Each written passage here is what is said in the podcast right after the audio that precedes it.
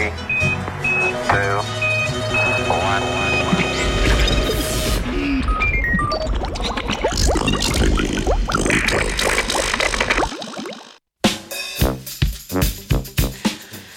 Raziskovalna skupina Univerze Massachusetts je prejšnji teden v reviji Nature objavila članek, ki poroča o možnosti izkoriščanja zračne vlage za pridobivanje električne energije.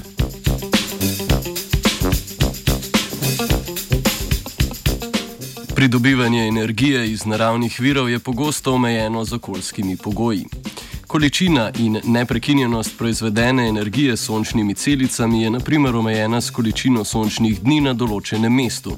Ker bi bil idealni vir za proizvodnjo energije tak, ki je pogosto dostopen v katerem koli okolju na Zemlji, so se znanstvenice in znanstveniki osredotočili na vlago.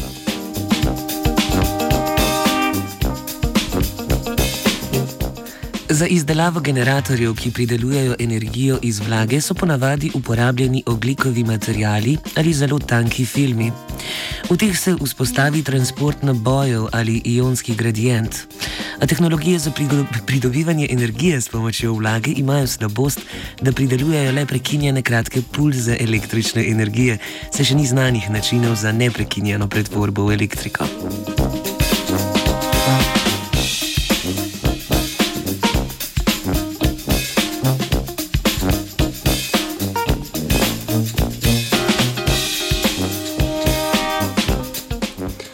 V raziskavi sta sodelovala tako oddelek za mikrobiologijo kot oddelek za elektrotehniko Univerze Massachusetts in napravo imenovala AirGen, saj gre za generator na osnovi zraka.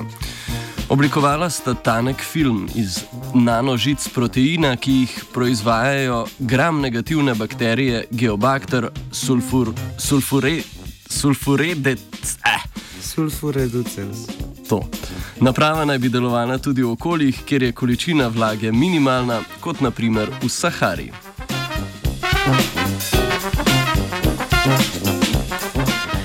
Generator je debel le okoli 10 mikronov. Za primerjavo je celica kožnega tkiva približno trikrat večja. Spodnji del elektrode je postavljen na zlato elektrodo, zgornji del pa je le delno prekrit z manjšo elektrodo.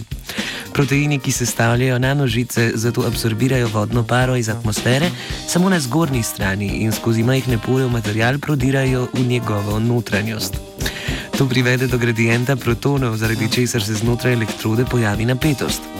Površinske lastnosti proteinskih nanožic in dejstvo, da te prevajajo električni tok, omogočajo nastanek napetosti, ki meri približno pol volta.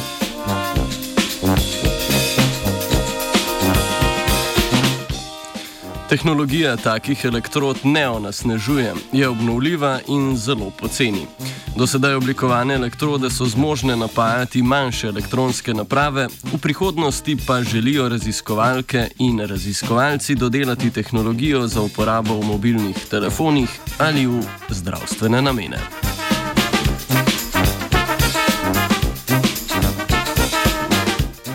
Za prenovljive vire energije navija Dunja.